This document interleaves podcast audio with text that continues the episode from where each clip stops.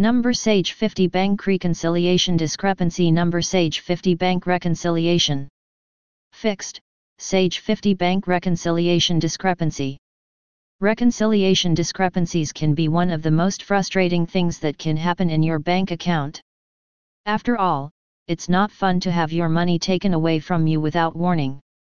In this blog post, we will discuss what reconciliation discrepancies are and how to fix the Sage 50 bank reconciliation discrepancy issue.